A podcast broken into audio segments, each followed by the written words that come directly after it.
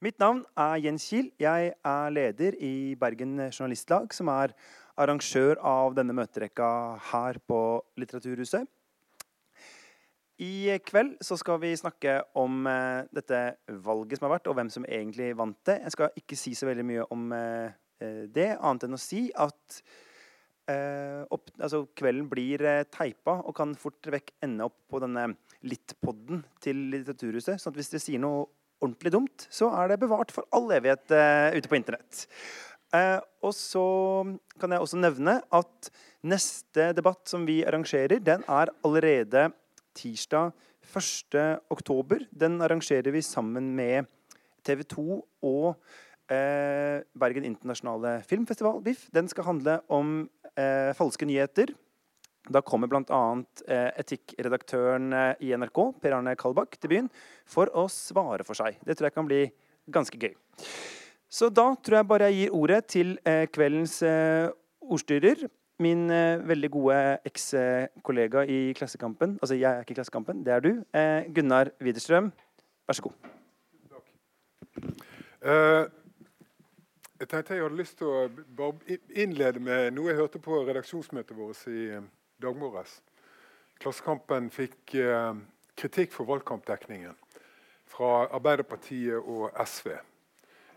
Relativt høyt oppe. De mente vi hadde gitt for mye plass til Senterpartiet. Eh, med den eh, innledningen vil jeg ønske alle velkommen. Det gjelder, det gjelder publikum, det gjelder selvfølgelig panelet. Jeg skal kalle dem opp en etter én uh, i den rekkefølgen jeg har. Men det er viktig at de setter seg der de blir anvist. og Du må sitte ytterst til venstre. Så Vi begynner med distriktsredaktør i NRK. Hordaland, Divike Buanes. Og så er det politisk Du kan få komme opp, ja. Så er det politisk redaktør i Bergens Tidende, Frøy Gudbrandsen. Og så er det ordfører, så lenge det varer, i Bergen, Marte Mjøs Persen. Og så det som skulle ha vært uh, Theis Øviknes. Men han meldte avbud i går ettermiddag fordi han var i veldig intense forhandlinger om ordførervervet. To timer etterpå så var nå de over. Men, eh, men han, han, har vel litt sånn dagen der-på-følelse, så han kom ikke. Eh, så eh, Harald Viktor Hove stilte opp på, ja, på kjappisen, det må jeg si, samme ettermiddag. Men men i stedet for så ble det Tobias uh, Strandskog som på enda kortere varsel Han fikk uh, forespørselen for to timer siden, sa ja. Og Grunnen til det var at Harald Hove hadde dobbeltbooket med konen. Det var altså å si Konen skulle også ut i kveld. Og alle kan jo gjette hvem det var som tapte etter en lang valgkamp. yes. Men eh, Tobias er jo da har jo vært en sånn presserådgiver for for eh, Harald under eh, valgkampen. Og burde derfor være perfekt til å være stand-in, i og med at vi skal diskutere valgkamp og valgkampdekning. Både det som er dekket godt, og det som knapt er dekket i det hele tatt. Og femtekandidat.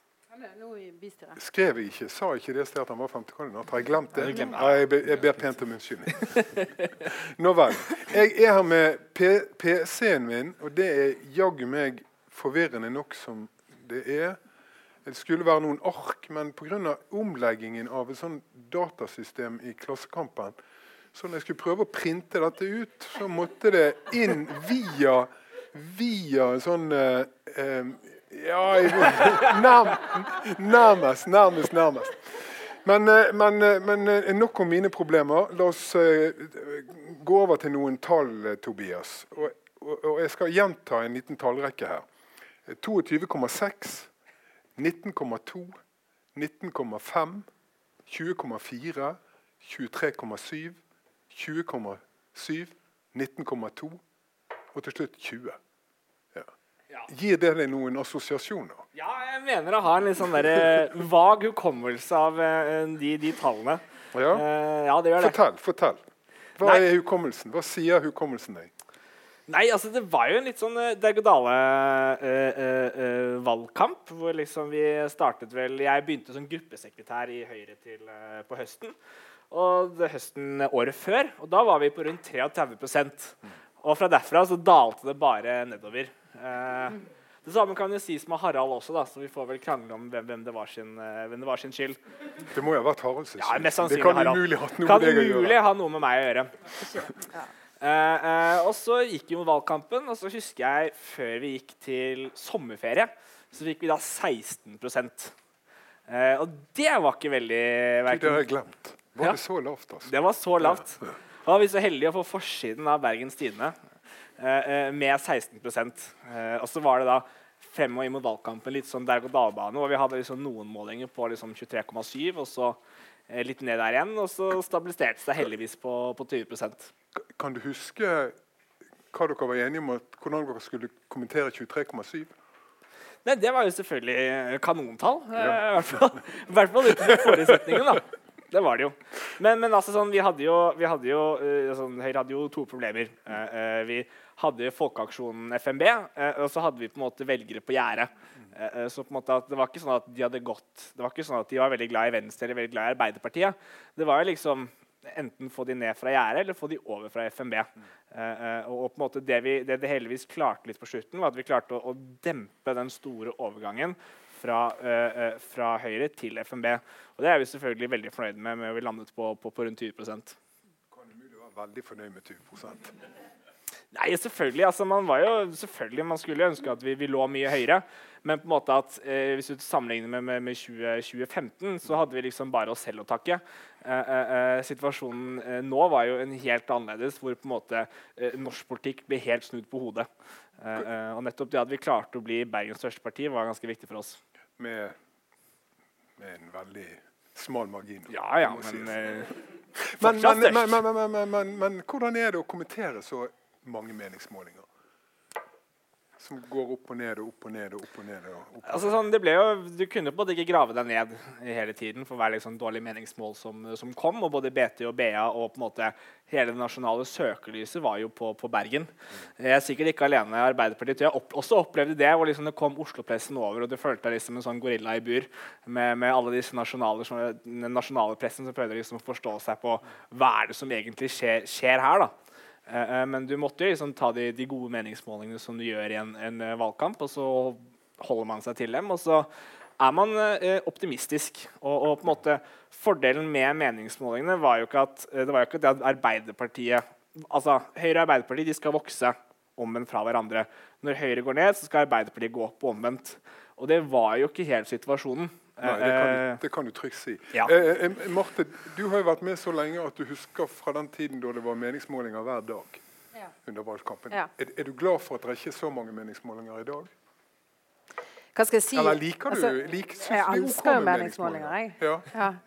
Eh, eh, nei, ja, nei, altså Ja, altså, det der er jo eh, både og, på en måte. sant? Altså, eh, meningsmålinger eh, sier jo noe om, eh, om dag-til-dag-situasjonen. Og det er klart at eh, når det er meningsmålinger hver dag, så er jo eh, kanskje feilmarginen relativt eh, stort. da. Så jeg savner ikke det nødvendigvis. Men samtidig så er det sånn at jeg tror alle partier eh, som har vært med noen ganger i noen valgkamper, vi forholder oss jo til eh, til meningsmålinger, eh, selvfølgelig. Sant? Eh, og dette, disse meningsmålingene som har vært nå i forkant av eh, valget, har jo egentlig spådd valgresultatet ganske godt. Eh, det er jo ikke alltid de har gjort det. Sant? Og det var jo mange som og i forkant var liksom litt usikker på om, om, om meningsmålingene holdt mål. Men, men i sum, så hvert fall gjennomsnittet, gjorde jo egentlig det ganske godt. da. Men vi, vi, som, vi som er med, vi forholder oss jo til det gjør jo både vi og jeg vet Høyre også, så at vi forholder oss jo til de gode målingene. Og så, og så sier, og så sier dere at ja, eh, Ja. eh, den viktigste målingen den som kommer valgdagen. Ja, Ja. det sier vi. Ja. Ja. Dårlige målinger, så sier vi at det er bare valgdagen som teller. Ja, og at feilmarginen er stor. Veldig store. Eh, sånn Apropos feilmarginer, jeg kan jo lese opp rekken for Arbeiderpartiet også. Samme, dette er jo meningsmålingsresultater i august og september. Eh, 20, 18,3, 20,5, 21,2, 18, 17,5, 18,6 og 19,8. Det er jo ikke så verst eh, treffrøy. Nei. Syns du det er viktig med meningsmålinger? Én hver uke for begge aviser? Eller syns du det er for mye? Altså, jeg Jeg syns Om det er viktig ah, Jeg veit ikke. Det er i hvert fall innmari gøy. Eh, nei, så jeg akkurat måte hvilket nivå vi skal legge oss på for å, på treffe på viktighet, det, tror jeg ikke jeg klarer å svare på hver dag. Det er ikke noe hensikt. For at, eh, du må liksom ha en viss avstand for at eh, det skal, at det skal gi noe mening i det hele tatt. Da. For at det, at det skal faktisk være en endring i folks oppfatning. Eh, men uh, et, vi ser jo at det er jo med på å skape visst engasjement. Folk liker å lese om det, og folk liker å lese det mer enn før. Mm. Men jeg vet ikke, Ville du si at det var viktig? Marte? Eh, nei, det var ikke egentlig det, det jeg ville si. Nei, okay. Nei, men, det men det, som er, det, som er, litt gøy med målinger, da, i tillegg til at det er utrolig spennende, og i år har det vært mer spennende enn noen gang, det er at det er på en måte det ene tidspunktet der liksom, vi journalister, altså politikerne, bare, de er bare, de bare kaster seg over oss. bare 'Vær så snill, vær så snill, gi oss noe informasjon.' Bare, bare, liksom, er det over eller under det? det liksom, de er bare helt desperate. Da. Og det, som regel så er det, er det jo omvendt. At vi som vil ha informasjon, men da er de bare skraper ikke sant, på Facebook. Sånn sett så burde det vært hver dag. Ja. sånn sett burde det Så det er, liksom, det er litt deilig. Mm. Hvorfor er meningsmålinger viktige, da? Litt viktige for uh, Dyveke?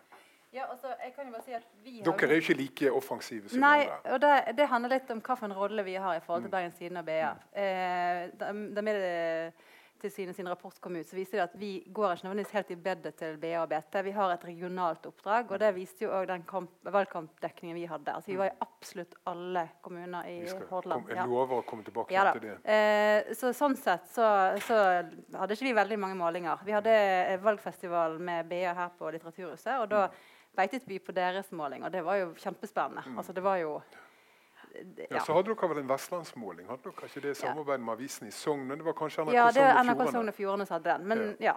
Så vi, vi uh, var litt sånn snyltere i denne valgkampen når det gjaldt å mm. ha egne valg, uh, meningsmålinger. Ja. Eh, du sier du tar, har et regionalt ansvar, men, men dere er jo relativt altså Hordaland er jo relativt stor i Bergen, for å si det på den måten. Eh, eh, vurderte dere på noe tidspunkt å, å uh, lage egne meningsmålinger? Altså, vår vurdering var at vi skulle sette alle pengene våre inn på en veldig ambisiøs valgturné i tre uker. Ja. Så det kostet flesk. Ja. så har, vi har brukt penger, vi òg, men ikke, vi har ikke brukt penger på valg, meningsmålinger. Ja. Marte? Nei, jeg, jeg synes Det er interessant. da, fordi at uh, Er det én sånn tilbakemelding jeg har hørt uh, ute uh, når jeg snakker med både velgere, men også lokalpolitikere og også ledere av Vestland Arbeiderparti, så er jo akkurat denne valgsatsingen til NRK blir trukket fram som noe som har vært veldig positivt. fordi at der har man liksom fått muligheten til å få vite hva de lokale kandidatene står for. Og det er jo det som jeg tenker kanskje er noe av det som er hovedtrekket med denne valgkampen. her da, det er jo det at holdt på å si, helt ifra vi vedtok programmet vårt, og så kan vi ha noe skyld i det sjøl fordi vi hadde nominasjon etter vi hadde vedtatt programmet vårt, og da var selvfølgelig alle bare opptatt av det. Eh, men, men det er ikke så veldig mange som har vært opptatt og da tenker jeg på journalistene, mm. av hva vi mener, hva vi står for, hva som er politikken vår. Det har liksom vært å kommentere mange andre ting. da. Mens unntaket har vært valg, eh, valgsendingene til, eh, til, NRK Hordaland, som både har vært utrolig interessante å, å høre, men som jeg òg hører positive tilbakemeldinger på ute. Jeg, skal, jeg, skal, jeg, lover at dette temaet her kommer vi tilbake igjen til. okay. Det var en liten finte, eh, og, og, og, i og med at Marte ville ha en replikk, så fikk hun det. Og jeg skjønner at du har lyst til å kommentere det, men jeg lover deg vi skal komme tilbake igjen til det. Ja. Eh, jeg har lyst til å til å gå inn på noe annet. fordi at no, altså, og Da er vi tilbake igjen, til, tilbake igjen til innledningen her. ikke sant? Dette med Er vi rettferdige nok i pressen? Er det, er det slik at, um, er det slik at uh, de enkelte partiene slipper til i den grad de bør slippe til? Og, ja, uh, hvor opptatt er man av den type rettferdighet. Og hva er rettferdighet? Er det at alle skal slippe like mye til, eller skal de slippe like mye til i forhold til eh, hvordan de er, er representert? Uh, og jeg kan jo begynne med deg. Hva tenker, ja. du, hva tenker du, om det? I, I, hva grad er du opptatt av det? Eller dere er opptatt av det? Nei, altså, jeg skylde på pressen. Det blir litt som å skylde på, på, på dommeren under en fotballkamp. Ikke det at pressen er, er dommer, selvfølgelig, men på en måte at uh, altså, det, det, blir for enkelt å på en måte si at nei, pressen vil ikke skrive om uh, det vi vil, og pressen vil ikke skrive om oss. De er, de er vanskelige. Uh, men, men, men, selvfølgelig så har jo på en måte FNB vært et helt nytt element i, i politikken her i Bergen. Uh, som på en måte snudde opp, altså snudde hele bergenspolitikken på hodet. og gjorde selvfølgelig at man måtte dekke dette nye fenomenet, og man måtte på en måte dekke dette bompengeopprøret. Og, og, og det skjønner jeg jo selvfølgelig. Men, men, det ble jo liksom sånn at vi andre partiene ble jo litt satt til side. Og så var det liksom Eh, Trym som fikk lov til å diktere mye av hva som var mediebildet. Og som på en måte igjen gjorde at MDG også fikk også dominere hva som var mediebildet. For han ble jo en slags sånn antitrym. og da var det på en måte hele tiden disse to motpolene som kjørte mot hverandre. Og selvfølgelig på en måte satt, satt pregen på, på, på mediebildet. Hva tenker du om det, Marte? Dere skal få slippe til. Ja, nei, altså, De, deler du den oppfatningen at uh, altså, noen har fått dominere mer enn andre? Så å si. Altså, hvis jeg skal komme med på mange måter en, en form for mediekritikk i det, da, ja, det. Uh, så vil jeg jo si at, eh, at det som jeg syns fikk dominere for mye i en lokalvalgkamp i 2019, det var dekningen av eh, den såkalte regjeringskrisen. Eller det vil si egentlig at regjeringen fikk bompengepanikk. Eh, og var det liksom, Skulle Frp gå ut, eller skulle det ikke? Det var masse lekkasjer, mye styr og mye greier. Eh, mens vi prøvde å drive valgkamp lokalt, og, og ingen la merke til det. på en måte. Eh, det, det, har jeg aldri vært ute for faktisk i en lokalvalgkamp heller før. At det liksom går halvannen uke uten at det er mulig å snakke om lokalpolitikk. Eh, og det, det synes jeg, og var, da, da var, NRK på en måte ute og snakket med lokale ordførerkandidater i, den, i det tidsrommet, bl.a. Eh, så det, det er nå det ene. Og så skjønner jo jeg at det er interessant, fordi at meningsmålingene fanger opp en trend som på en måte eh, skjer noe. Sant? Og hvis du liksom det var ett spørsmål du stilte Tobias i sted, men som du ikke stilte meg. og det var er du fornøyd med valgresultatet. Jeg har lyst til å svare på det. Nei. Arbeiderpartiet er ikke fornøyd med valgresultatet. Eh, vi, vi, har selvfølgelig mye høyere ambisjoner enn å ligge på rundt 20 eh, eh, ved valg. Eh, det, det, må bare være helt klart. Og vi skal gå i oss sjøl for å på en måte finne ut av det. Og vår ambisjon er å liksom reise oss igjen på, på, en veldig god måte. Og jeg, jeg har noen tanker om det hvis det er interessant. Men vinneren i dette valget er jo ikke Høyre eller Arbeiderpartiet. Sant? Og det er klart at Vi tjener jo på mange måter på en valgkamp der eh, Høyre er min hovedmotstander, og, og Arbeiderpartiet er Høyres hovedmotstander. Og så Nå blir det på en måte noen andre der ute. Eh, og det er litt fragmentert. På nasjonalt plan så kan du vel kanskje oppsummere at de som er valgvinnere, er MDG og Senterpartiet, mens lokalt er det MDG og Bompengepartiet. Hvis du skal kalle noen vinnere i, i på en måte et parlamentarisk situasjon uh, der, hvis, det er mange små. Legger, men hvis du legger bompengebiten til side Jeg ja. lover jeg skal komme inn på den også. Ja. På et, på et, tidspunkt. Men, hvis du legger, den, men hvis du legger den til side med jeg, jeg, jeg, vil gjerne vite noe om du syns at du har fått en hva skal jeg si, en dekning, eller partiet ditt har fått en dekning i valgkampen som er rettferdig sammenlignet med det andre partier har fått? Ja, nei, fordi at Du spør om det med rettferdig. og der tenker Jeg liksom, jeg vet ikke om det er riktig spørsmål. fordi at rettferdig, Jeg har liksom alltid tenkt, da, så lenge jeg har vært i bystyret siden 2003, at har man gode saker, så greier man å komme på osv. Uh, så, så det liksom, kan godt være vi har vært for dårlige med å treffe på en måte det som er nerven.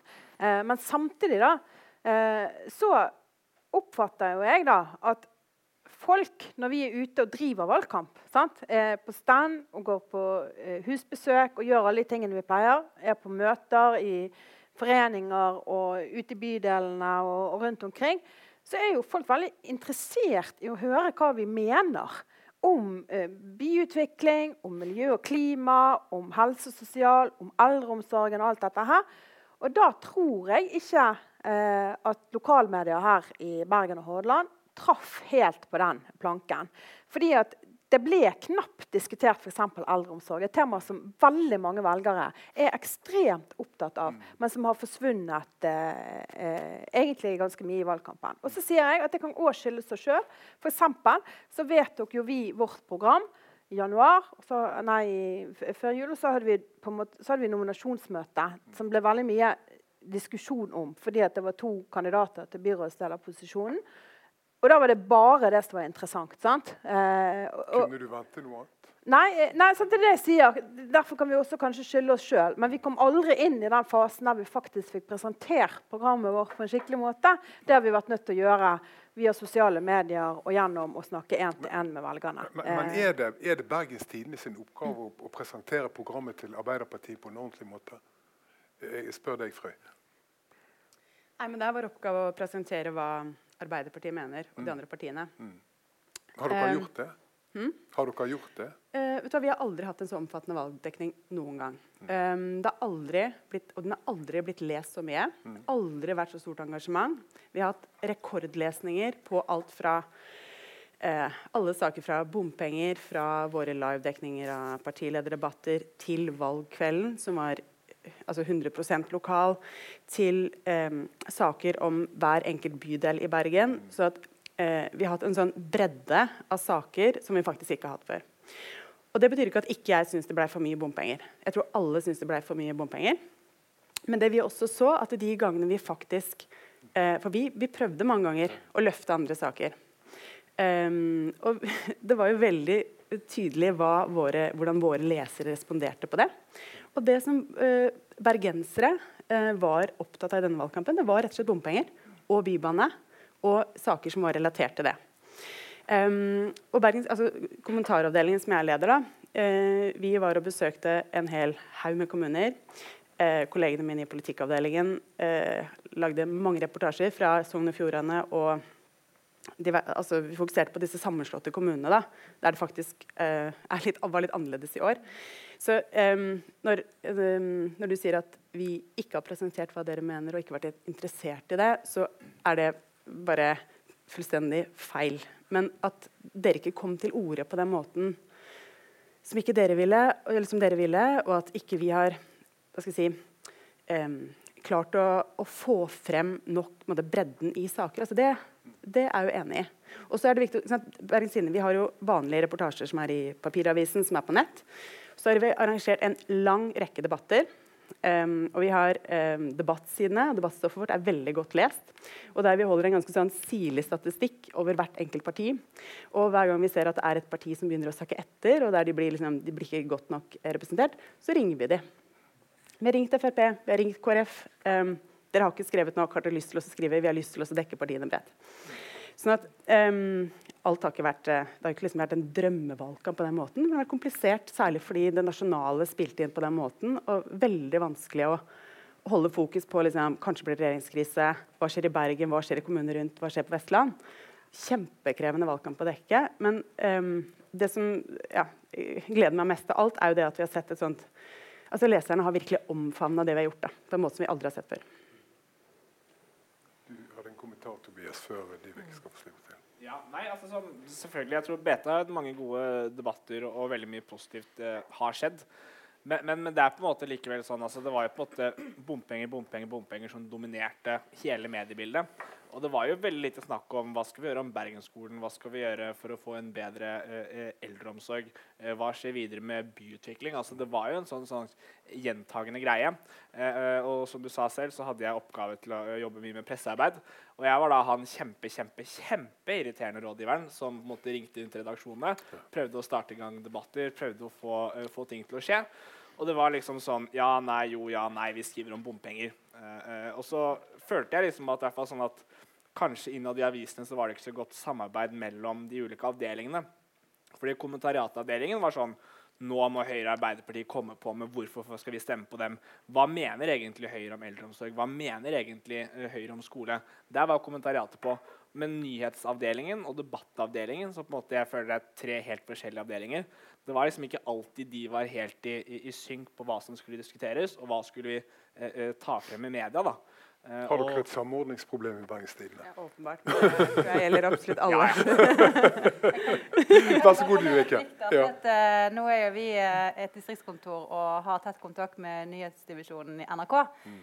og det var jo ingen tvil om at de var opptatt av Trym Aafløy og bompengepartiet her i vest. Eh, men vi hadde et redaksjonsmøte der vi diskuterte veldig godt hva skal vi satse på til valget. Og da var vi litt sånn Vet du hva, vi skal selvfølgelig registrere bompenger, men det skal ikke få lov å dominere så mye. fordi det er et kommune- og fylkesvalg. Uh, veldig mange veier er fylkesveier. Så selvfølgelig i Bergen, Men jeg må bare skyte inn at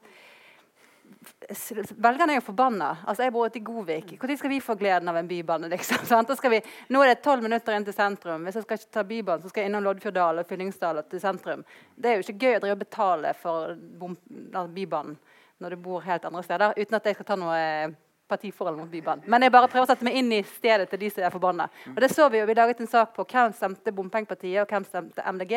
Og det var jo helt tydelig. De rundt stemte FNB, og de i, i sentrum som har glede av Bybanen, stemte MDG. Men jeg skal bare si en ting apropos hva vi velger og ikke velger. da. Så da var vi litt sånn eh, irriterende fetterne på Vestlandet som sa at nei, vi skal Altså, det var fem folkemøter eh, i hele Norge. Vi er 15 distriktskontor, og vi kjempet om å få en av de folkemøtene. Og vi vant da, og det gjorde også Sogn og Fjordane, så det er litt gøy at Region Vest fikk to av fem. Og, og vårt tema det var rett og slett uh, fattigdom og sosiale forskjeller. Og det programmet var det mest sette av de som gikk i uh, NRK. Så det syns jeg var litt kult, da, at vi tørde å stå imot det presset. For det er klart at det var et press. Uh, plutselig så Kanskje litt dumt å si det, men plutselig så var det en, en fra Lørdagsrevyen som var i Bergen og intervjuet Trym Aafløy uten at vi hadde fått beskjed om det. Og det er klart at Da blir du litt forbanna. Ja. Som det kan jeg forstå. Først Frøy, og så uh, Marte. Jeg, jeg, har hørt det uh, gjennom uh, hele valgkampen at vi har gitt Trym Aafløy for mye oppmerksomhet. Og jeg skal, jeg skal, ikke si at ikke det nødvendigvis skal, stemmer. Men like det, om en liten stund skal jeg røpe et tall. Ja, men, ja. men det er én ting som jeg mener at politikerne misforstår når de kritiserer oss for det. Og det er for at Vi begynte ikke å skrive så mye om bompenger pga. Trym Aafløy. Vi begynte å skrive om det fordi det var et folkelig opprør som jeg mener at vi i Bergens Tidende faktisk oppdaga for seint. Og hvis det var noen som oppdaga det enda seinere, så var det jo politikerne. Og enda seinere enn det igjen var jo politikerne i Oslo og mediene i Oslo. Sånn det at, så det er jo ikke, altså, vi, vi, har jo ikke noen, noen sånn forkjærlighet for Trym Aafløy, men det er det at han var den som, eh, som, snakket om det, og som valgte å stille til valg fordi det var et, et opprør rundt omkring i, i byen. og det Um, så tenker jeg, ja, det, er liksom, det, er to ulike ting, da. Martha? Ja, nei, fordi altså, jeg, jeg, jeg, jeg syns det er en kjempeinteressant eh, diskusjon. Da, fordi det er klart at eh, på mange måter så var det sånn bompengeopprøret og klimakrise som polariserte på hver sin ytterkant. Da. Og For Arbeiderpartiet sin del så er det klart at eh, det er en sånn polarisering som vi kanskje egentlig ikke er så veldig gode på. sant? Fordi at på den ene siden så eh, altså, vi, vi, kan ikke være tydelige alternativ der. Sant? For på den ene siden så elsker ikke vi bompenger. Vi har til og med et annet forslag på hvordan vi skal gjøre det. Sant? og finansiere det. Og så på den andre siden så ønsker vi Bybanen til Åsane. Eh, og selv om vi ønsker å være på en måte ledende på klimatiltak eh, for byen vår og for en eh, grønn og rettferdig by, så kommer vi aldri til å rykke ut og si, klemme en bomring. Altså, det er noen som har gjort det. Ja, det er det. Så det var ikke tatt ut av luften. Men det, var ikke tatt ut av luften, Og det var ikke Arbeiderpartiet. Sant? Og vi kommer aldri til å være de, på en måte, men, men vi kommer heller aldri til å si at bare bompenger er den viktigste saken. Men, men, men, problemstillingen er jo på en måte mer kompleks enn som så. Sant? Det er jo Noe med at eh, noe kan vi gjøre lokalt, men det er òg ganske mye med dette vi ikke kan gjøre lokalt. Vi har et nasjonal transportplan på over 1000 milliarder kroner, der absolutt på hvert eneste kapittel så står det forutsetter lokal finansieringsvilje er lik bompenger. De bare tør ikke skrive det rett ut. Og Poenget er jo det at dette her problemet si, kommer bare til å øke i omfang så lenge vi har bompenger som det som skal være det som finansierer utbygging. Om det er kollektiv eller veier eller sykkelveier eller gangveier, eller hva det måtte være, så har det en målkonflikt. Sant? Fordi at regjeringen sier både vi skal bruke bompenger til å redusere biltrafikken, og vi skal bruke bompenger til å bygge ut dette her. Sant? eller Stortinget, for det er egentlig alle partiene som sier det. Og, og, og Derfor så tror ikke jeg at dette her er et problem som det Nei, bompenger al, nei, Frp mener jeg elsker bompenger. Det, ja, men det mener jeg helt ordentlig. Nå skulle Terje vært her. Ja, ja, ja, men, men, han sprettet altså champagne når han fikk bompenger eh, eh, på veien sin. Der han holdt på å bli ekskludert også. Men, men før, vi, før, vi, fortsetter, pga. bompenger eh, eh, Jens sitter her. Han har en mikrofon. Eh, hvis dere venner dere til Jens eh, med spørsmål hvis dere behøver spørre Jens, dere må spørre hele salen, så er altså det mulig både å kommentere ikke lange kommentarer, men også stille spørsmål til eh, panelet. Bare sånn at det er sagt. Og, eh, og som sagt, eh, Jens sin oppgave her i dag det er sitte langs veggen og ta imot eh, spørsmål som skal stilles til panelet. Yes. Flott. Da var det deg, Tobias. Ja. Nei, altså jeg tror på det, altså bompenger, altså sånn, igjen, Jeg tror Frey er helt rett i at det, det bompengeoppgjøret kom nok. Eh, eh, vi var nok de siste til å få det med seg. Eh, og i hvert fall jeg som er 26 år, født og oppvokst i Oslo, flyttet til Bergen. Jeg har ikke lappen engang. Uh, uh, ser ikke helt behov for å få det med det, med, med det første. Kanskje verdens verste presserådgiver før et bompengevalgkamp. Men, men det, det, det, får liksom være en annen sak, da. Men, men det, det, ble liksom sånn derre Er du for eller mot ting? Valgkampen. Jeg syns det beste eksempelet er da, vindmøller. Er du for eller mot vindmøller? Så er jeg sånn Ja, altså, jeg blir dette tatt opp? Ja, Jeg er jo veldig glad i vindmøller, men det skal man ikke si for høyt. i hvert fall ikke nå til dags. Men det er sånn, at dere for imot vindmøller? Så først så sier jeg at Bergen kommune skal ikke ha noe særlig vindmøller pga. NVE. Men, altså sånn, men, men Høyres politikk er jo at det må bestemmes lokalt. Men det må jo også være mulig å si at Eh, vi trenger mer fornybar energi, for vi har en klimakrise. Og da trenger vi fornybar energi som kan eksporteres til kontinentet for å redusere europeiske klimagassutslipp. Det mener jeg er den åpenbare logiske konklusjonen. Eh, eh, men, men, nå er vi, men, nå er vi, nå er du prøver å si ja, noe, Tobias. Det, det, det, det, jeg sier, da Hvor skal du? Det, er der jeg skal, før jeg ble oppholdt opp, opp, opp vindmøller, er at liksom sånn, det var ikke greit å si eh, vindmøller skal bestemmes lokalt, og vi må på en måte kunne ha en viss forsyning av vindmøller uten å totalt rasere naturen. Mm. At det fins et ytterpunkt her mellom å sette en vindmølle på toppen av Trolltungen eller Fløyen eller rasere de mest, for, altså, mest dyrebare områdene vi har. Det er en mellompassasje her vi kan fint ha, eh, eh, som på en måte overhodet ikke kom til syne. Eh, eh, og det samme så vi jo med, med kan, Unnskyld, Mener du at ikke det kom til syne i valgkampen? For der vil jeg protestere. Nei, altså, men det var sånn, det var, er du for, altså, det, Debatten er du for eller mot vindmøller. Det var ikke skal vi ha en forsvarlig eh, bruk av vindmøller. Men, jo, Det vil jeg si. Det er ikke rom for nyanser, da, og det gjør jo at de, de store styringspartiene tapper. Og der synes jeg at, altså, sånn, Det syns jeg på en måte gjennomsyret politikken hele veien. Ved at du havnet i en skyttergrav, og så ble det alltid ja eller nei-løsninger hele veien. Uh, jeg har lyst til å jeg, bare røpe noen tall. Fordi jeg hadde en, eh, jeg hadde en liten sånn opptelling for min egen del. Uh, jeg brukte A-tekst. Det er jo et fullstendig upålitelig, uh, fullstendig upålitelig måte å beregne tyngde av artikler på. Sånn at hvis du søker på et navn, f.eks. Trym Aafløy, for å ta noe helt tilfeldig, så er det ikke sikkert at det med Trym overfløy det innebærer at antall treff er like, like mange interessante og veldig lesbare artikler. Eh, men antall treff gir likevel en, en slags indikasjon. Og det jeg så har gjort, Jeg har tatt alle førstekandidatene til eh, partiene. Jeg holdt unna Pensjonistpartiet. da. Og så har jeg søkt på de i Bergens Tidende og BA, ikke NRK. Jeg beklager det. Så jeg har lagt sammen alle sammen. Ja, lagt, lagt, sammen alle sammen. Og så har jeg funnet ut hvor stor prosentandel av disse, det totale antall treff som hver enkelt kandidat har fått. Og Det var det jeg tenkte jeg skulle ta og, ta og fortelle nå. Men kan jeg bare, siden ja. Han var inne på vindmøller. Jeg måtte ja. bare finne frem siden. Altså, vi har skrevet mange saker, det dere i Bergenssiden også har gjort. Eh, F.eks.: Vindkraft splitter natur- og miljøvernbevegelsen. En rimelig pris å betale for å redde kloden. Eh, Tobias, har, uh, legg deg flat. Vindturbinene splittet bygden, nå er det et populært turmål. Altså, vi har ja. mange saker på det, så det er litt feil det du sier. Tobias må legge seg flat her. Men det, det, var kanskje ikke det med vindmøllene som var poenget. Nei. Kanskje det var mer det der ja eller nei, ja, og ikke den klassiske Høyre-Arbeiderparti-mellomposisjonen ja. hvor du verken vil det ene eller det andre fullt og helt. Det er det som er poenget. Si det går an å si at vi trenger mer fornybar energi, men vi kan, men vi kan bygge vindmøller på en fornuftig og god måte. Og det ble ikke det politiske klimaet. Det ble ikke ikke, eh, eh jeg ikke preget valgkampen noe særlig. Ja, du, vi, vi, vi, her, her, her, oversiktene dine. Ja, et, et, ja, la, oss, la, oss, la, oss, ta oversidene. De, de, er i hvert fall uh, objektive, i den forstand at uh, man teller bare tall. Altså, La oss ta Trym Aafløy først, da, siden han er nevnt. Partiet fikk 16,7 av stemmene. Trym Aafløy har 14,6 av treffene. Uh, så har vi Roger Valhammer. Arbeiderpartiet 19,8% av stemmene, 18% av treffene. Høyre 20 eh, eh, Harald 18,2% av treffene. Rødt 4,9% til valget, 4,1% av treffene. Eh, MDG 9,9 var valgresultatet. 8,4% på Bakke i antall treff. Og Så kommer de som har grunn til å være veldig fornøyde. Det er jo da, det er jo da Erlend Horn og Håkon eh, Pettersen i henholdsvis Venstre og KrF. De forsvant jo nest, ja, de forsvant jo under denne sperregrensen, og de var begge under 4% Så Begge de ligger på ca. 10 av, av treffene.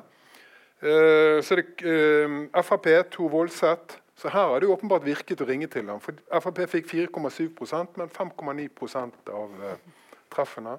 Og For å ta det siste her, da. Ove Sverre Bjørdal. 5,6% i valget og 5,3 av treffene. Det er jo ikke så altså, hva? Ja, de lå under. Altså.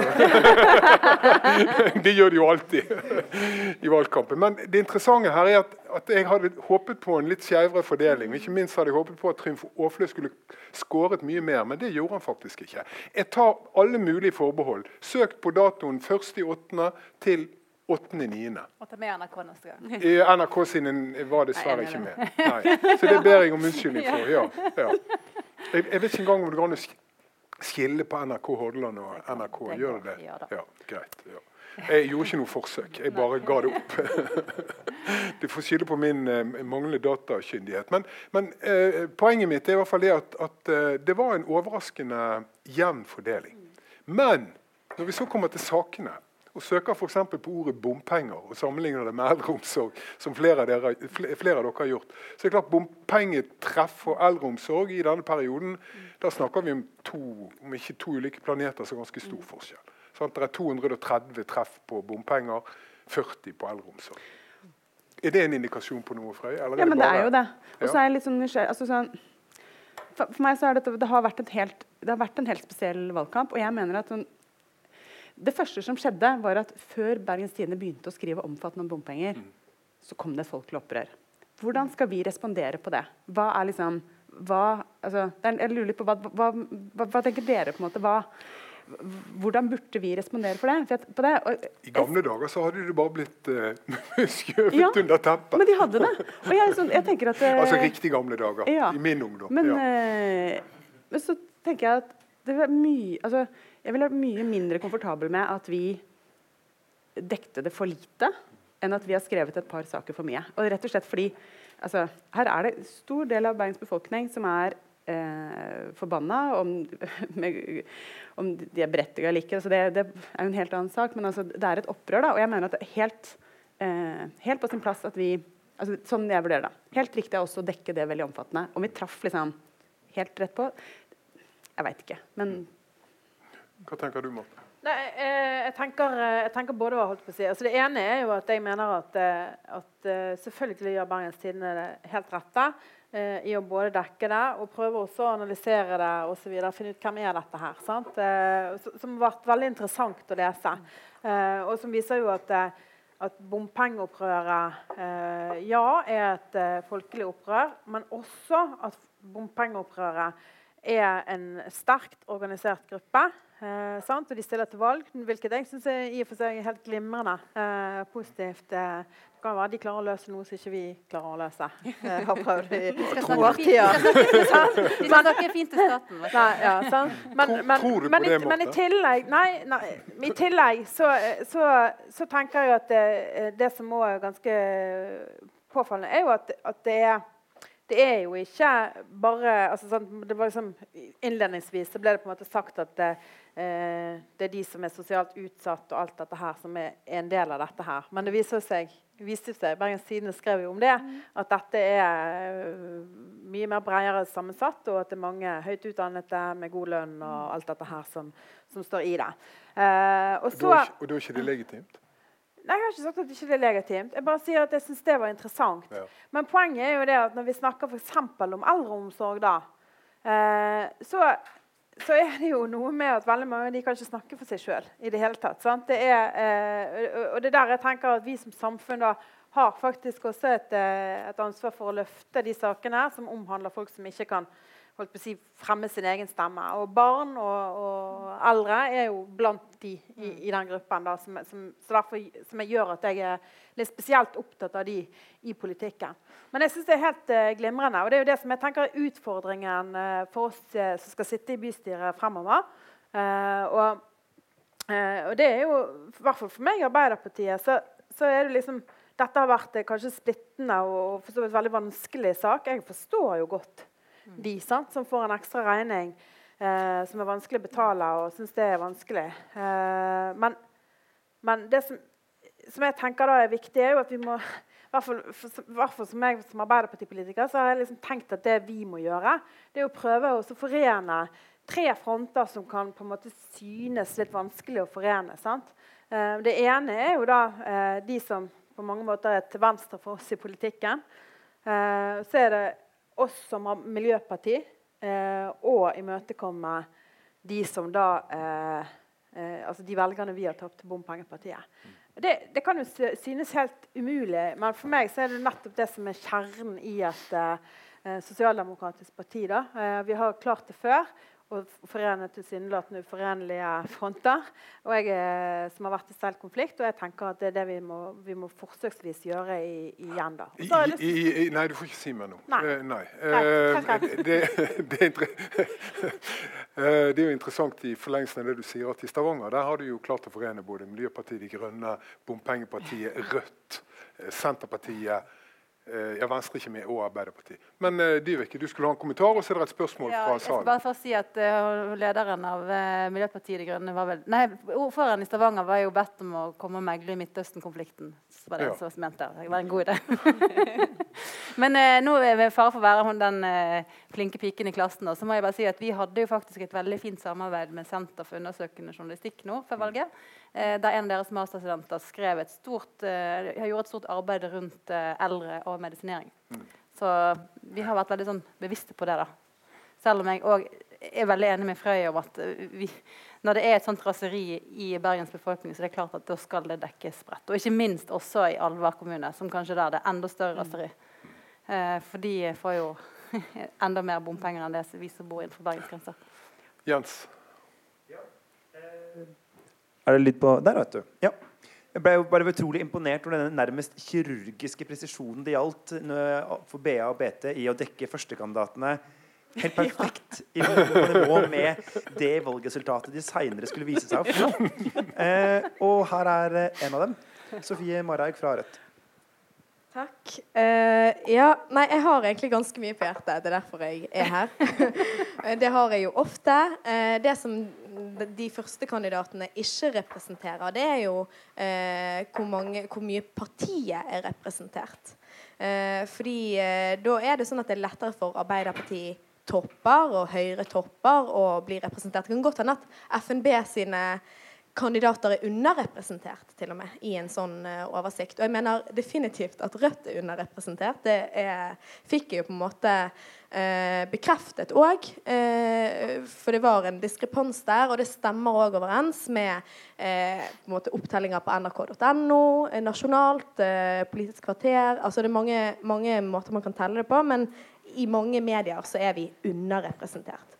Og det så nå blir jeg en sånn person som kommer fra et parti og klager på at jeg ikke representerer Kom igjen. Ikke deg, bare fortsett. Det er, det er selvfølgelig lov. Det, altså, grunnen til at det er et problem, da, det er fordi at um, det har gått bra med Rødt uh, likevel. Uh, og òg på tross av at vi nesten ikke har brukt noen ting på å uh, kjøpe annonser i sosiale medier. Det er fordi at vi driver valgkamp Altså, vi, vi har 9000 medlemmer. Altså, vi er i vekst. Eh, det er en større trend, og vi driver valgkamp på mange forskjellige måter. og Det er sikkert på at alle partier gjør. Men eh, det er et problem fordi at hvis vi skal ha en offentlighet da, som er mer enn eh, måte, eh, Mine velgere leser sikkert eh, Radikal portal og Manifest, og det er fint, det, men jeg vil òg at de skal lese lokal, lokale nyheter. Og da er dere nødt til å skrive om oss. Og det trenger ikke å være positivt, men dere er nødt til å skrive om oss. Eh, fordi at det er ganske mange tusen folk som stemmer på Rødt. Eh, vi har over 100 000 eh, folk som har stemt på Rødt ved dette lokalvalget. Eh, og det er apropos hvem er valgets vinner. Eh, men er, altså, jeg syns det er problematisk. Og det er ikke fordi at jeg bare liksom vil ha propaganda. Jeg er veldig klar over at pressen ikke alltid er på lag med, med Rødt. Eh, og det er helt greit, men vi må bli representert. Og det bringer, bringer meg videre da, til det andre som har med representasjon å gjøre. Som jeg er dritlei av å snakke om. Eh, men som vi kommer til å snakke om så lenge det er et problem, og det er sikkert så lenge jeg lever, og det har med kjønn å gjøre. Eller kjønn, hvis jeg skal uttale det eh, på en annen sosiolekt enn min egen. Eh, fordi eh, Altså, jeg eh, har veldig mange eksempler jeg kan bruke, eh, men jeg tror jeg skal holde meg til et ganske nytt eksempel. der TV 2 jeg vet ikke om, Er det noen fra TV 2 her? OK, det var dumt. Men jeg har gitt beskjed til TV 2 om det òg. Eh, lagde en sak. Eh, han er Bergens mest populære politiker. Bilde med Trym Aafløy. Da har de talt opp personstemmer. Og så skriver TV 2 at eh, Trym Aafløy er Bergens mest populære eh, eh, politiker. Han har fått flest personstemmer og flest lengre fra andre partier. Og det stemmer jo ikke. Fordi det er eh, faktisk meg sjøl og Marte Mjøs Persen som sitter der oppe, som har fått flest slengere fra andre partier. Hvorfor har vi fått det? En mulig teori som jeg lanserer, jeg tror ikke den er så vanskelig å forstå, det er at faktisk folk i Bergen ønsker å ha kvinnelige politikere i politikken. Eh, alle visste om den eh, nominasjonskampen som var innad i Arbeiderpartiet, og jeg var den eneste kvinnelige eh, toppkandidaten fra de etablerte partiene i Bergen. Sant? Så det er ganske åpenbart. Her er det en tendens hos velgerne som faktisk bergenspressen er ikke så veldig flink til å skrive om. TV 2 det var jo på en måte det verste eksempelet fordi det var løgn. Men de andre eh, mediene, eh, med noen unntak, var veldig opptatt av å skrive om det er òg en nyhet da, at eh, Herman Friele og, og Hjortland kom inn. Altså at vi fikk et sånn ekte borgerlig ektepar i bystyret. Det er flott. Men det er faktisk en tendens som det går an å skrive om, særlig etter en valgkamp der vi har hatt eh, eh noen saker som har dominert, som òg er skjønne Altså, menn er mer opptatt av samferdsel enn damer. Tro meg. Og det er provoserende eh, at vi ikke får snakke om de 25 000 arbeidsplassene som er i Bergen kommune. Det har ganske mye å si hvem som blir arbeidsgiveren deres. Jeg må si at eh, jeg syns eh, Trym Aafløy er en veldig kompleks og interessant person, eh, som jeg faktisk respekterer, men jeg vil ikke ha han som arbeidsgiver. Og jeg syns at man har et ansvar uh, for å, å, å dekke barnehage, skole, eldreomsorg, Eh, mer enn det.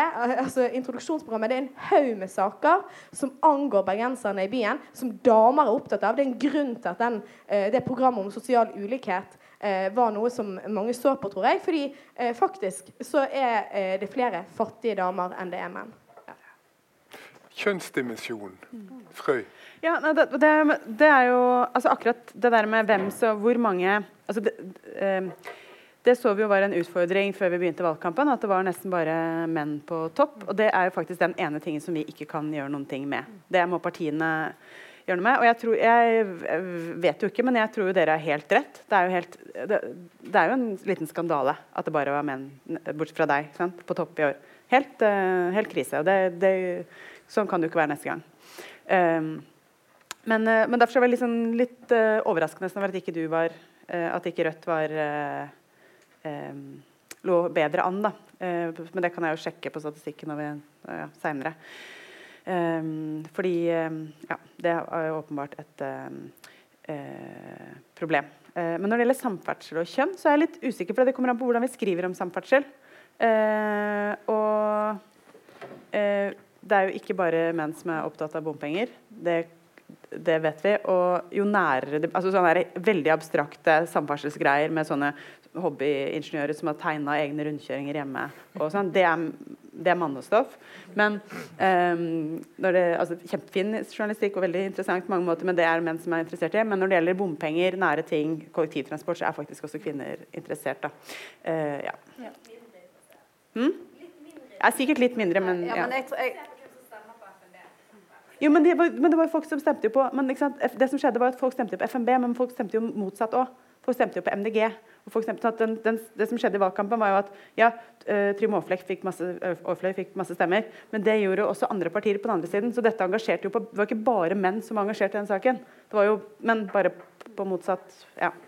Ja, hvis jeg kan bare slenge inn der, så tenker jeg at Det er mer en sånn by og land det er blitt sånn by og land innenfor Bergens grenser. Mm. Det er mer geografi enn kjønn som avgjør engasjementet for bompenger. Ja, altså det er også en dimensjon begge Sofie, kom opp. Nei, bare kom opp. Og jeg lover å ikke kalle deg Mari en eneste gang til i hele mitt liv. Ja, ja, jeg legger Ja, nei. Bare, bare, bare sånn at det bare sånn at det er sagt. Så må hun få mikken også. Eller må, Det er fremdeles sånn at hvis noen andre vil ja, ja, ja, ja, ja, ja. Jeg, den jeg kan ikke love at, men jeg kan ikke love at de kommer opp i panelet sånn helt uten videre. Du må snakke inn den her, ellers så får ikke de hundretusenvis av podkastene våre En ting til med BT. Jeg vet at debattredaksjonen, altså den skriftlige delen, gjør en god jobb. Og der vet jeg at Rødt sikkert er veldig godt representert, fordi vi liker å skrive uh, mye med varierende kvalitet, meg sjøl inkludert. Men når det kommer til de debattene man arrangerte, så fikk vi bare sitte i én av de, mens til sammenligning f.eks. KrF og Senterpartiet, som er sammenlignbare partier i størrelse, ikke i innhold, fikk sitte i to. Eh, sånn at eh, Og jeg, jeg, jeg kan komme med ganske mange eksempler. Og jeg har ikke en presserådgiver, sånn som Høyre har. Jeg ringer til dere sjøl. Jeg sender mange sinte e-poster. Jeg blir veldig sliten av det. Eh, og jeg blir veldig styr. og derfor er jeg her i dag. Kan jeg, men sånn helt på alvor, for at det der er sånn som er altså, Fordi vi er jo Eller eh, min avdeling vi har jo ikke begynt på evaluering av valgkampen. De andre er nesten ferdige. Men det hadde vært, sånn til neste gang, det har faktisk vært veldig nyttig og hvis du bare kunne sende en slags sånn ja, send, Hva syns du om valgkampdekningen? Og særlig det med at dere ikke blir invitert nok, og at du som kvinne og alt det der sånn, det er faktisk superviktig å, for oss å ta med oss. Det var først Marte, og så Dyveke. Ja. Jeg syns det er viktig det som eh, Sofie tar opp. Og det, jeg er helt enig, det er helt påfallende at liksom TV 2 greier å på en måte presentere fake news, for å kalle det det. da. Eh, og så, og så er det jo sånn, Jeg hadde lyst til å si sånn, en sånn fun fact. da, fordi at jeg tror at analysen til Sofie er ganske presis. Nemlig at eh, eh, velgerne våre faktisk ønsker kvinner. Eh, så er en ting som ikke har blitt omtalt, da, men som, eh, som du ser ganske tydelig når du, personstemmen er talt opp, så er det sånn at alle våre kvinner på Ti på topp går forbi mannen som står over det på listen. Altså, litt forskjell på partiet, men ja. men, men for vår del så er det sånn. Det er helt gjennomført. Alle kvinner rykker over den mannen de står over. på en måte. Det er litt kult, da. Ja, det er litt kult. Det er litt kult. Men det minner meg òg. Fordi at greien er at saken er liksom at klart det har noe å si hvem som blir engasjert i valgkamp. Og de kan bli engasjert på forskjellig måte. Sant? Altså sånn, kanskje på motsatt side, der noen på en måte da tenker at OK, da skal vi gjøre vårt for å endre på dette. Sant? Eh, det minner meg veldig godt om når jeg eh, en valgkamp som en stortingsvalgkamp eh, jeg, eh, Det var når jeg var alenemor. Eh, tjente 110 000 i året og hadde ut, faste utgifter på 120 000. Overlevde på barnetrygden. Og den viktigste saken i den valgkampen var hvor innslagspunktet på toppskatt skulle være. Det, det er jo fullstendig uinteressant når du er, er på det planet. Sant? Og det er jo det som er at, eh, at selv om det kommer en viktig sak, da, som det gjør her, eh, så, så er det en femtedel da, av de som har stemt, som har stemt på, på de. En Eh, sjettedel. ja, en sjettedel, faktisk. En sjettedel. Eh, regnet veldig fort og var dårlig i det. Eh, men i hvert fall, sant? det er liksom noe med at eh, det er så mange, Og så får man en motreaksjon på den andre siden. Men det er så mange saker inni alt dette her som veldig mange mennesker er opptatt av. Som vi ikke får en diskusjon Og det har vi faktisk, altså det er liksom sånn, Uansett hvordan vi vrir og vender på det, så har vi ikke fått det. Når vi har 200 flere treff på bompenger enn eldreomsorg, så har vi 200 flere treff på bompenger enn eldreomsorg. Men traff dere på deres uh, prioritering av saker òg? Nei, det kan du jo kanskje si at eh, man ikke nødvendigvis eh, har gjort. det, sant? Nettopp fordi at du kommer i en sånn skvis der, eh, der du ikke gjør det. Men vi hadde faktisk eh, noen Ganske saker mange treff på gratis SFO, Ja, faktisk. som var viktig, Ja, ja er det var, det var faktisk omtrent en tredjedel av antall treff på bompenger. Så det det det er, er- jo en Arbeiderparti- Er det en Arbeiderparti-sak og en Rødt-sak? Oh, ja, ja, ja, ja.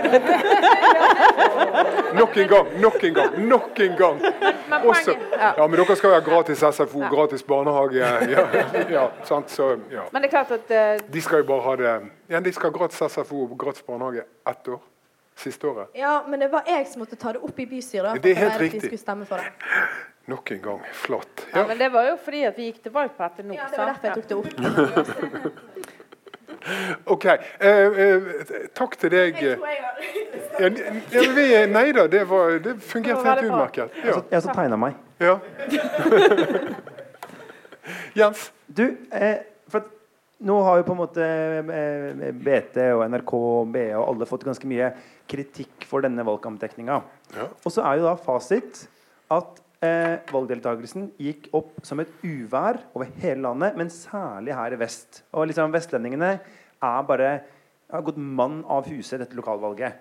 Eh, og det må jo bety da at utrolig mange mennesker ut ifra på en måte den totale dekningen altså Selvfølgelig også sosiale medier og hva de har hørt av kollegaen, og hva de bare pleier å gå og stemme, og reklame på bussen og alt sammen. Men også det som står eller er, er å finne av journalistikk, har tenkt ok, men jeg fant et parti som jeg er enig nok med i år. Eller motsatt, jeg fant et parti på andre sida som jeg er uenig nok med til at jeg har valgt å gå og stemme. Og det eh, er jo også en, en dom over oss som vi kan ta med oss. da og som jeg tenker at eh, liksom ikke vi må glemme midt oppi denne sjølpiskinga som jeg selv har invitert til. Takk. Morta? Ja, eh, Det ene er jo liksom eh, Gjerne litt sånn ørene som, eh, som hører, da. Eh, men jeg syns ikke vi har vært så veldig kritisk, egentlig. Eh, jeg syns vi har hatt en ganske eh, åpen og god, god samtale. Så, så det er jeg liksom ikke helt enig i. da. Så når det er sagt, så mener jeg at det er utrolig bra at vi har hatt en økt valgdeltakelse på lokalvalg. Og der tror jeg det er flere faktorer som, som eh, dere må ta med dere.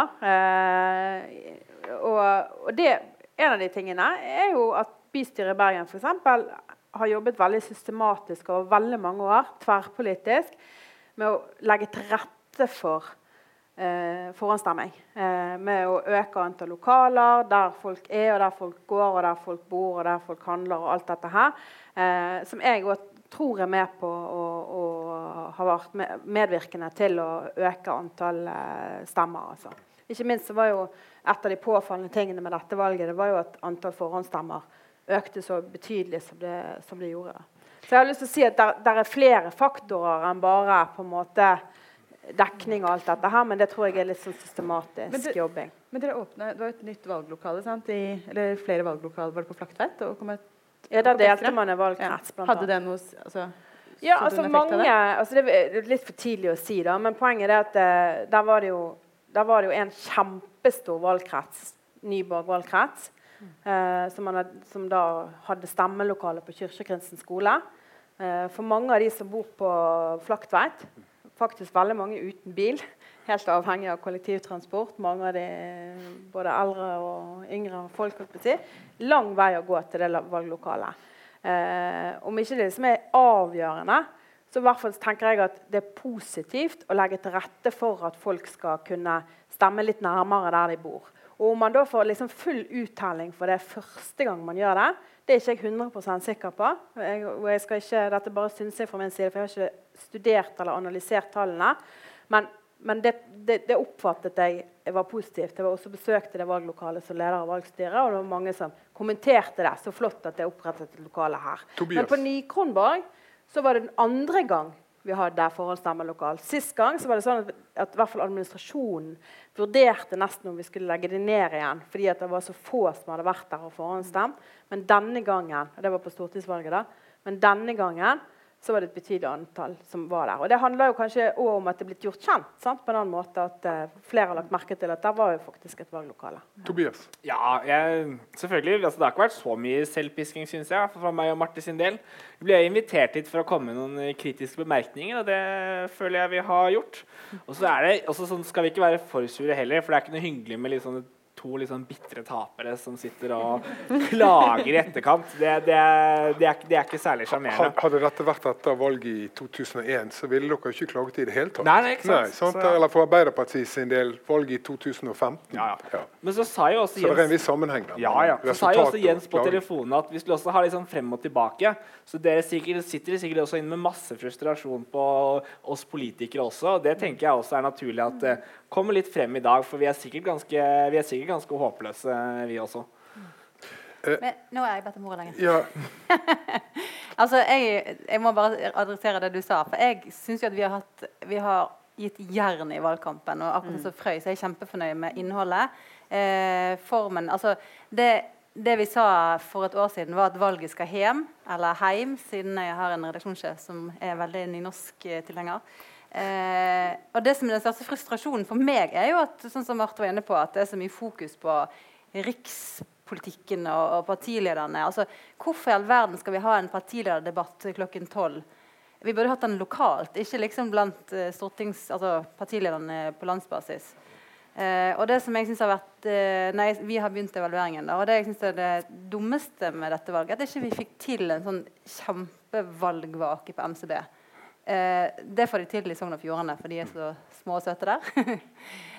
men nei, var, de er veldig dyktige på det. da. Der får de, der får de mange Mange kommer dit. Det, det er liksom stedet å være på valgkveld. og det syns jo egentlig at Bergen med Mediecity Bergen hadde fortjent. da. Altså Det håper jeg, det utfordrer deg på. At ja, vi om fire år får til da, eh, og invitere at alle møtes på MCB. At eh, Marte og Tobias kommer dit om fire år. At ikke vi er på forskjellige steder. For det, det tror jeg hadde vært skikkelig bra. Mm. Ja, At de partiene dropper sine valgvakere?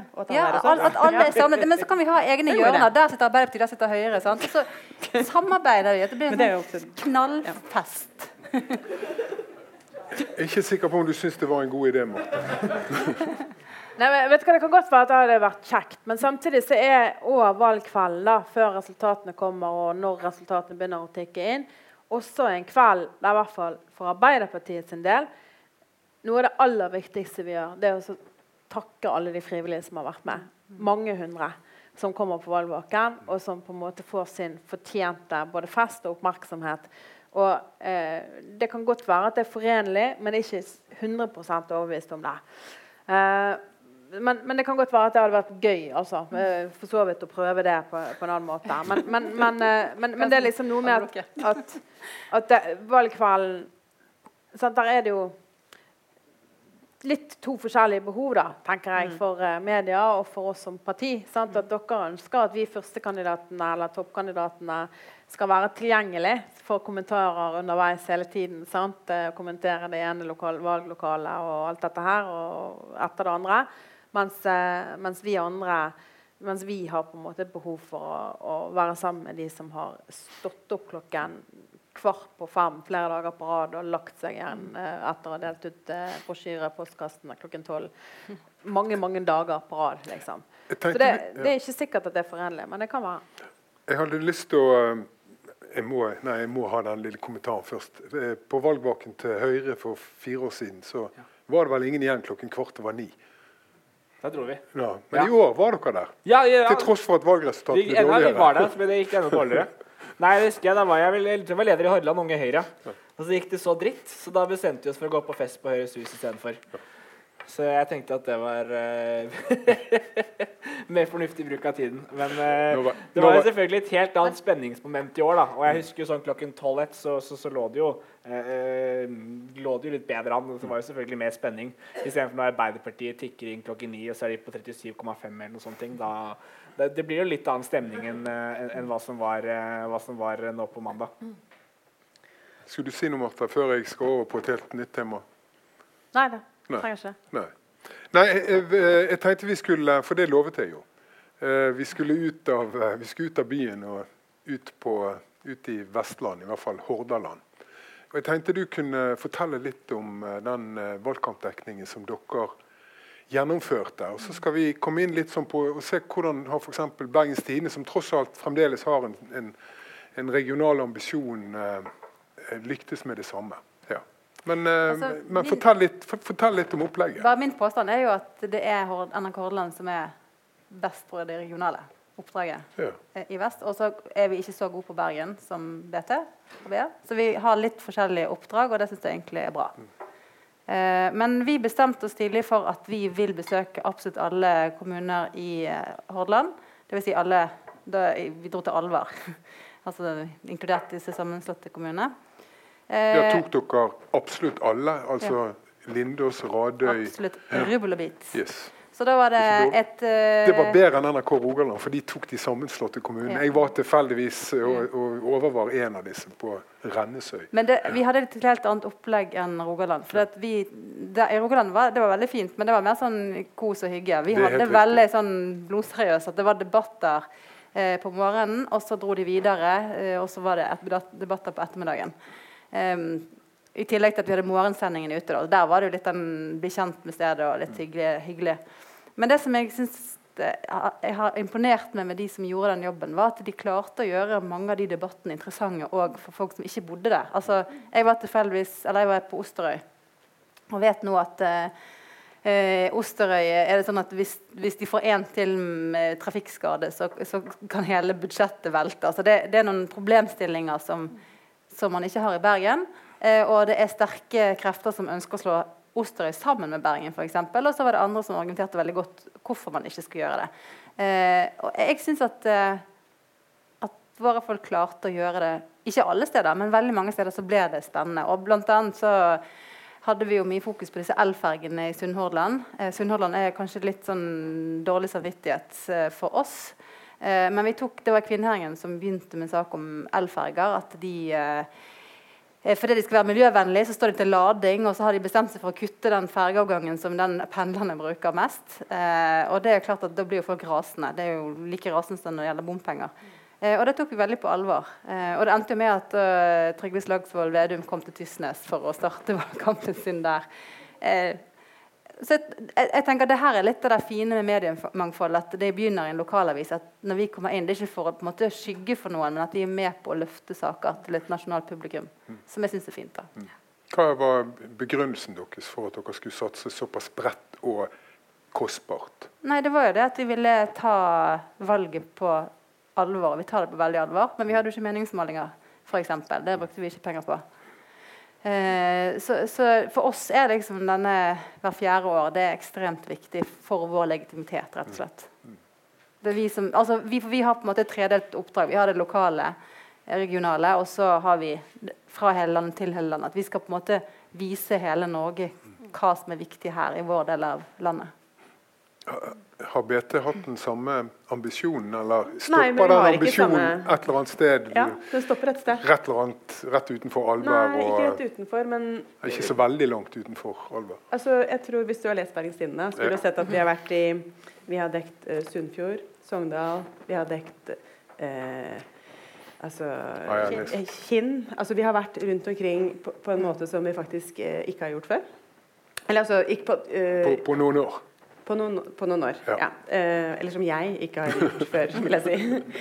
Nei, og det, eh, og det gjelder både kommentaravdelingen, som har dekt Hvor mange kommuner er det vi har vært i til sammen?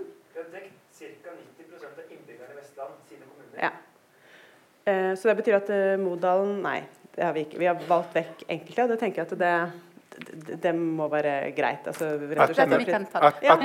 Etne og feie. Ja. Uh, feiet tok heller ikke det. Nei, men, det, men, og det mener jeg faktisk har vært litt uh, viktig for oss. Så vi, så jeg jeg syns det var kjempebra, det dere har gjort. virkelig. Uh, skikkelig bra. Og noe, noen av de debattene som dere har dratt opp, de, de ville jo rett og slett ikke blitt løfta opp hvis ikke dere hadde gjort det. Mm. Og så tenker jeg at, sånn at, Men at vi går litt tyngre inn i Øygarden Askøy har jo vært har vi dekt ganske godt nå. Og, men at vi går tyngre inn i noen andre de kommunene fremover, det tror jeg er um, viktig. Og vi ser jo at, Det merker sikkert dere òg, men det er jo, det fins liksom et sånt rom over lokalavisene. der altså Noen saker er det altså det blir for nært for noen av lokalavisene. sånn at noen ganger så er det mm. viktig at noen andre kommer inn. fordi det blir um, det kan bli for, Og det sier jo lokalavisen selv, at det kan bli liksom for for tett og for nære forhold, rett og slett. Da. Så det syns jeg er viktig. Så, så, men det som er litt sånn, litt sånn kjipt, da, at vi har jo lagt ned ganske store ressurser i å, å reise rundt liksom, fra Ullensvang til Kinn og overalt. Uh, mye ressurser på det. Men så ser vi at når vi sitter og kommenterer partilederdebattene sitter og ja, uh, vi, ja, Jens og Morten og jeg har gjort det, uh, ser vi at det har jo det er mye større interesse for det, rett og slett, da, enn en del av de lokale debattene. Og det er jo litt, altså, kjempegøy at så mange syns det er eh, flott å lese hva vi mener om partilederdebattene, men det er jo ja, Skulle heller sett at de leste liksom at 30 000 leste om Hvis jeg kan bare ta en liten kommentar på det. For det syns jeg er noe av det fine med denne valgkampen. da, Det nasjonale oppdraget vi har. Eh, og vi har NRK Hordaland har helt klart vært det distriktskontoret med flest saker som når fronten, mm. og eh, morgensendingen på radio på Riks. På Riks. Eh, og alle sakene var på nett. Altså, snittet er 50 000 lesere. Og da er det f.eks. han eh, Peder Kjos Lettebø i, i Kvinnherad. Det har vært mye krangling frem og tilbake. Eh, en sak som vi da løfter, som blir veldig godt lest. Og det, det handler jo om at det er gjenkjennbart mange andre steder i Norge. da. Så det syns jeg er egentlig ganske vakkert. At, at, At, den har 50 000 lesere Nei, på Riks? at, Ja, ja, nei, det som jeg synes er vakkert, er at uh, lokalpolitikk på et bitte lite sted faktisk vekker Ja. interesse Ja, det var, i hele Norge. det var egentlig det, Ja, jeg- ok. det, var Ja. egentlig det jeg prøvde okay. å si. Ja, men, men jeg uttrykte meg kanskje klosset. Ja. Eh, du har jo sittet med, og sitter vel også med et sånt fylkesblikk på Ja. politikken. Ja. Hva tenker du om eh, NRK versus BT, i den grad du har klart å Ja. følge med på det, Det- i tillegg til ja. det andre? Og der er du inne på et vesentlig poeng. At Jeg skulle jo faktisk gjerne ønske at jeg hadde fått med meg alle disse debattene for eksempel, som har vært på NRK, men det har jo jeg ikke klart. fordi at jeg også har drevet valgkamp. Men jeg har fått med meg noen av dem. Eh, og jeg syns det har vært veldig kjekt. Sant? Altså, det er jo klart at mange av ordførerkandidatene rundt omkring i hele Vestland fylke, kjenner jeg, altså våre da, fordi at jeg er, er leder i Vestland Arbeiderparti. Eh, men men det, jeg har jo heller ikke detaljoversikt over alt som skjer lokalt. Så jeg syns det har veldig kjekt å høre på. Eh, og det kan godt være at jeg er i en eller annen form for særstilling nettopp fordi at jeg har den rollen, men samtidig så tror ikke jeg at grunnen til at jeg syns det er interessant, bare handler om det. Jeg tror også at det er noe med, med det mellommenneskelige. da, på en måte at, eh, at det er ulike problemstillinger og ulike saker. Og Det ser, gjenspeiler også valgresultatet rundt omkring. sant? Altså der er jo eh, i, i Vestland fylke et kjempestort sprik mellom valgresultatet. Eh, Med, med, ja, vi har for eksempel, sant? Vi, har, vi har fått rent flertall i Årdal. Lærdal er vi nesten der. Altså det, det er jo på en måte noe helt annet enn det vi snakker om her i Bergen, f.eks. Uh, og der andre saker har eh, preget dagsorden totalt.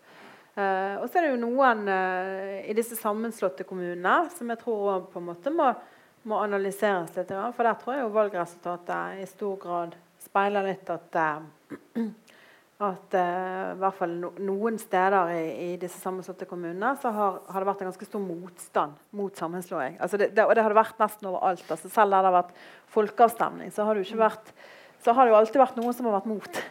Ja. Eh, så det, der, det er noe med, med at, eh, at det har preget valgresultatet. Det er også som en viktig sak. Ja. Da var det spørsmål fra salen. Da er det rett og slett eh, Knut Inge Andersen som var førstekandidat for eh, FNB til eh, fylkestinget. Det var interessant å høre på både den delen som gikk på Bergen, men òg noe den som jeg er mest interessert i, Vestland-debatten.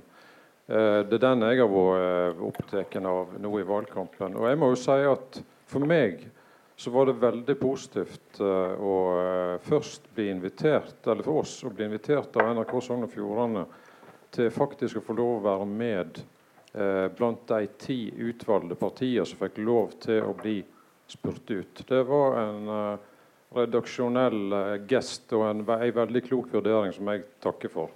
Um, for vi, er jo ikke, er ikke per i dag representert. Uh, det var på en måte en vurdering dere gjorde av det som syntes sikkert opplagt, men det er ikke likevel helt opplagt at vi eh, skulle bli eh, få samme plass som eh, f.eks. Arbeiderpartiet og Høyre eh, i en sånn sammenheng. Eh, Det andre det var at vi eh, ble jo litt tvungne til å bli en mer eh, enspora versjon av oss sjøl. Det var det folk ville ha. De ville ha bompenger. Eh, De ville ikke at vi skulle snakke om noe annet. og Derfor så var det fint for meg eksempel den dagen jeg kom, kom opp til Førde eh, og ble spurt om f.eks. ulv. Hva jeg mener om ulv. Nå vil vi kanskje Eh, si at det- Trym, Aafløy var ulven i den bergenske valgkampen. Ja, og, og eh, ja. Hordfast er jo et veldig viktig tema. Det kom veldig lite fram i grunn i valgkampen. Et så viktig tema for fylket. Eh, Sammen med E16 kom jo inn eh, nå på slutten eh, av opplagte grunner. Eh, men men vi, i, vi ble som sagt vi ble i grunnen litt mer enspora versjon av oss sjøl enn det vi hadde lyst til å være. Det er noe med at bordet Men, fanger. men sett i ettertid har dere vel ikke noen grunn til å klage på det? Med Nei, tanke på hva dere- velgerne var opptatt av. Dere kommer til å se et mer nyansert eh, parti. Det kan jeg si. Det er ikke så, eh, det er ikke sånn en monokultur når det gjelder meninger og uh, synspunkt. Vi har flere saker vi er opptatt av. Siden du nevnte Hordfast, og siden jeg har søkt på en del sånne søkeord eh, Hordfast ni treff, BA og BT. ikke på NRK, jeg, ja, eksempel. Mens på fylkesvei 49 treff. Og Det tyder jo på at eh, klassiske fyr Det har nok sikkert med ras å gjøre. Det vil jeg, vil jeg tro. Og stengte veier. Eh, rassikring 17. Hvis vi ser på navn eh, Jon Askeland 14 treff mot eh, mot eh, Harald Viktor Hoves 84. Eh, Anne Gine Hestetun også 14 mot, mot Roger Valhammers 80.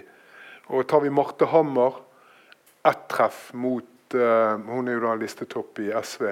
Ett treff mot Uh, eh, han uh, Grünfeld Nei, Grünfeld. Eh, Mikkel Gryners uh, ca. 35 treff. Men kan jeg si en ting? For at, nå skal jeg ikke nå har jeg sagt at jeg ikke skal drive med selvpisking, da. Men jeg tror jo i den der, øh, det som skjedde i denne valgkampen, at du fikk sant, bompengeopprøret, og, og du fikk den nasjonale tvisten på det, og du hadde liksom kjempeaction i Bergen. Så tror jeg hvis det var en ting som, Og vi hadde liksom bestemt oss for at vi skulle dekke en del av de nye sammenslåtte kommunene. Så jeg tror eh, hvis det er én ting som tapte litt da, hos oss, så var det rett og slett fylket. Og, det, og, og en ting som tapte enda mer, det var kirkevalget. Det må jeg bare si. Det, det, det var ringte og ringte og ringte og skulle ha, skulle skrive om kirkevalget, og det bare Det ble det ikke plass til, og det er dumt.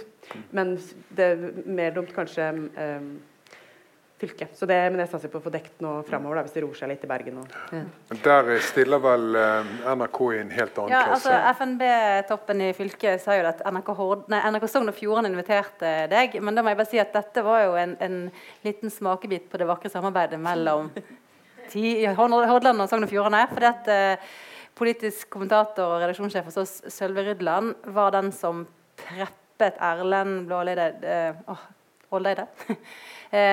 I forkant av alle disse intervjuene så syns jeg ble kjempegode. Eh, det var virkelig bra å, å, høre disse intervjuene. Så um, det syns jeg var vel verdt tid og krefter fra Eller jeg sier det, det var jo Sølve som jobbet som en gal. eh, og, og det er jo noe som jeg tenker vil bli et veldig viktig oppdrag for NRK fremover. Å dekke nye Vestland. Fordi at vi skal jo ikke nødvendigvis gjøre akkurat det samme, men dette blir liksom den ja, men Ja. Dekke Vestland kommer til å bli viktig for oss. Også. Ja, det er ikke sånn at vi ikke har dekket det. Altså, vi, har, ja, vi har dekket det godt, og ikke minst etter valget. Men ja. Ja, jo da, absolutt. Men, men vi har fokus på det, da. For å snakke for oss. Marte. Ja, jeg må jo si det at jeg har jo hørt disse partilederutspørringene, kanskje ikke alle, men i hvert fall ganske mange av disse partilederutspørringene som da ble laget eh, i stand av NRK Sogn og Fjordane. Eh, eller i hvert fall spilt inn der, da. Samarbeid. Men i hvert fall, det, det var der det fysisk foregikk. da, på en måte.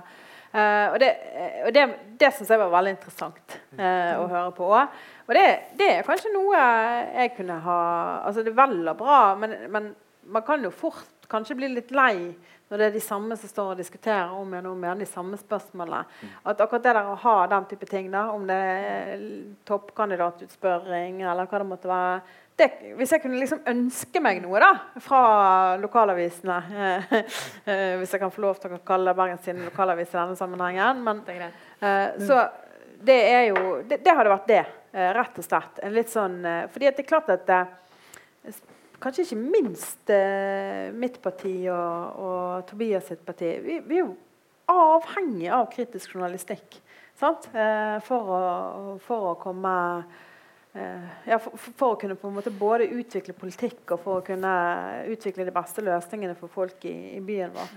Og, og da er det jo eh, eh, da synes jeg, jeg tror det hadde vært interessant. Og jeg tror eh, For det var også en sånn ting altså nå skal ikke jeg liksom, Det blir jo litt sånn svogerforskning når du går fra dør til dør på en måte og snakker med folk. Men likevel, det er noe med det de folk sier. Nei, så at hvis, de, hvis de som du treffer som er litt uengasjert i valget, da, for det, du traff jo de òg, så er det liksom Nei, jeg vet ikke hva de står for. Det er bare det samme hele om igjen om igjen. om igjen, om igjen, sant? Altså, den type måte å svare på. Eh, og så kan du si ja, er det rett eller ikke rett, men, men jeg tror jo at eh, eh, en sånn type eh, eh, så, ta, sånn type utspørring ikke er dumt. Det ser du jo også på, på sentralt plan. da, At uh, denne partilederutspørringen har jo også tradisjonelt sett vært eh, populære programmer å, å se på. Men, men, men, vi, men helt, helt vi, vi, skal slutte. Vi, det, vi, har ikke, vi, har ikke så, lang tid igjen. Men, jeg har lyst til å stille dere to et spørsmål helt til, til slutt. og Det går jo egentlig på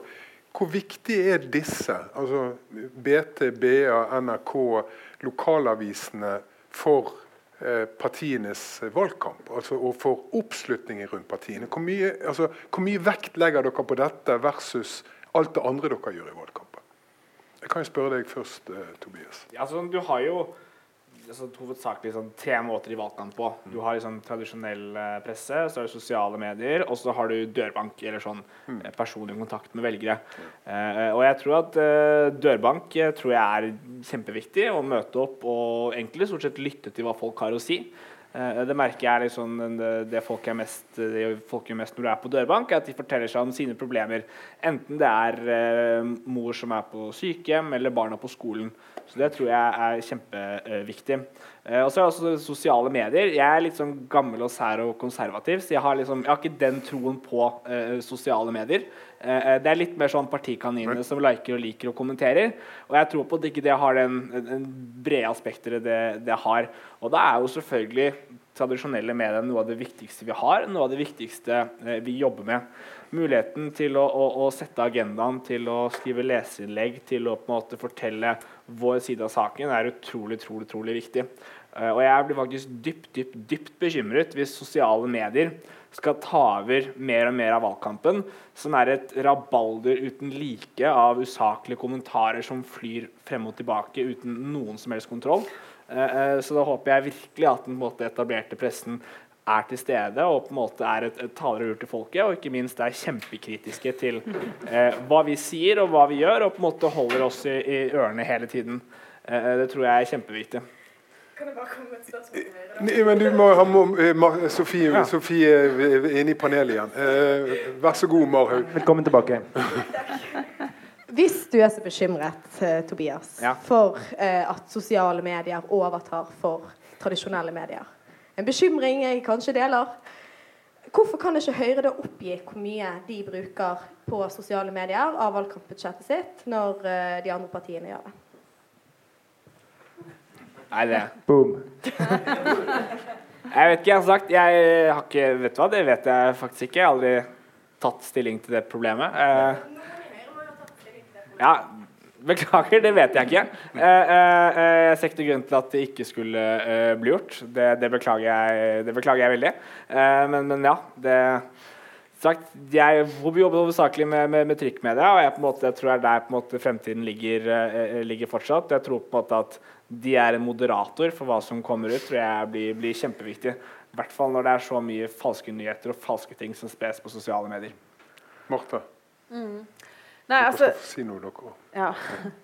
Uh, vi legger faktisk ganske mye vekt på medievalgkampen. Mm. Altså, og, og, det er klart at uh, Jeg sa det i sted, og jeg sier det gjerne igjen. Vi, vi er jo helt avhengig av uh, kritisk journalistikk for å bevare demokratiet. og det er, jo på en måte i motsetning til det som kanskje kan være i ferd med å utvikle seg noen tendenser til. Da, at propaganda blir mer og mer viktig. Eh, og det er jeg ikke tilhenger av.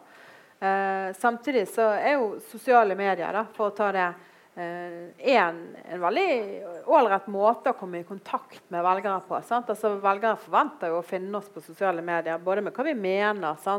Mange, mange, har funnet programmet vårt der, f.eks. Eh, det andre er liksom det å bli kjent med de ulike kandidatene, både toppkandidater, men også andre kandidater lenger nedover på listen. Uh, men så det tredje er jo på en måte at det, at det òg blir brukt politisk, som politisk reklame. Da, mm. Som går an å diskutere, men da trenger vi en ny debatt. Eh, og det har ikke vi tid til akkurat her og nå. Og så er det det som er det viktigste, nemlig denne én-til-én. Det å snakke med velgere. Eh, på stand og på husbesøk og alt det som, som, som, vi legger veldig stor vekt på i våre valgkamper. Så Oppsummert da, så er det klart at Foreløpig legger vi veldig stor vekt på medievalgkampen. Eh, og kanskje nesten holdt på å si, på ett vis nesten for stor vekt. fordi at, eh, vi vet jo at eh, mediebildet i dag er så utrolig fragmentert, og det er utrolig mange som sjekker Facebook lenge før de går inn på NRK Hordaland og BT sine nettsider for å finne ut av ny, dagens nyhetsbilde. Uh, og Derfor så må vi òg være der. da. og så er liksom spørsmålet ja, liker man det eller ikke liker man det. Men, så, men, det sånn men, det, men, men, der stopper vi, og så lar vi Frøy og ikke få lov til å kommentere det, så skal jeg fortelle en morsom historie helt til slutt om eh, mediekritikk. Ja. Uh, ja, hva skal jeg si? Eh, eller om, hva, hva, var det jeg skulle kommentere på? Om, Nei, Jeg tenker på, jeg tenker på for, forholdet, forholdet, til uh, sosiale medier. For ja. jeg, satt at du, jeg, jeg, jeg, merket at du satt og smilte litt når, ja. når, Nei, når, når, det ble kommentert fra Tobias' sin side. Men jeg merker jo at uh, Jo, for han kalte det trykkmedier. Og det syns jeg var litt gøy. Ja. Fordi at, ja, jeg ikke sikker på om det jeg er ikke sikker på om det er fremtiden, nemlig. Men um, det er bare Klassekampen som tror det. Ja.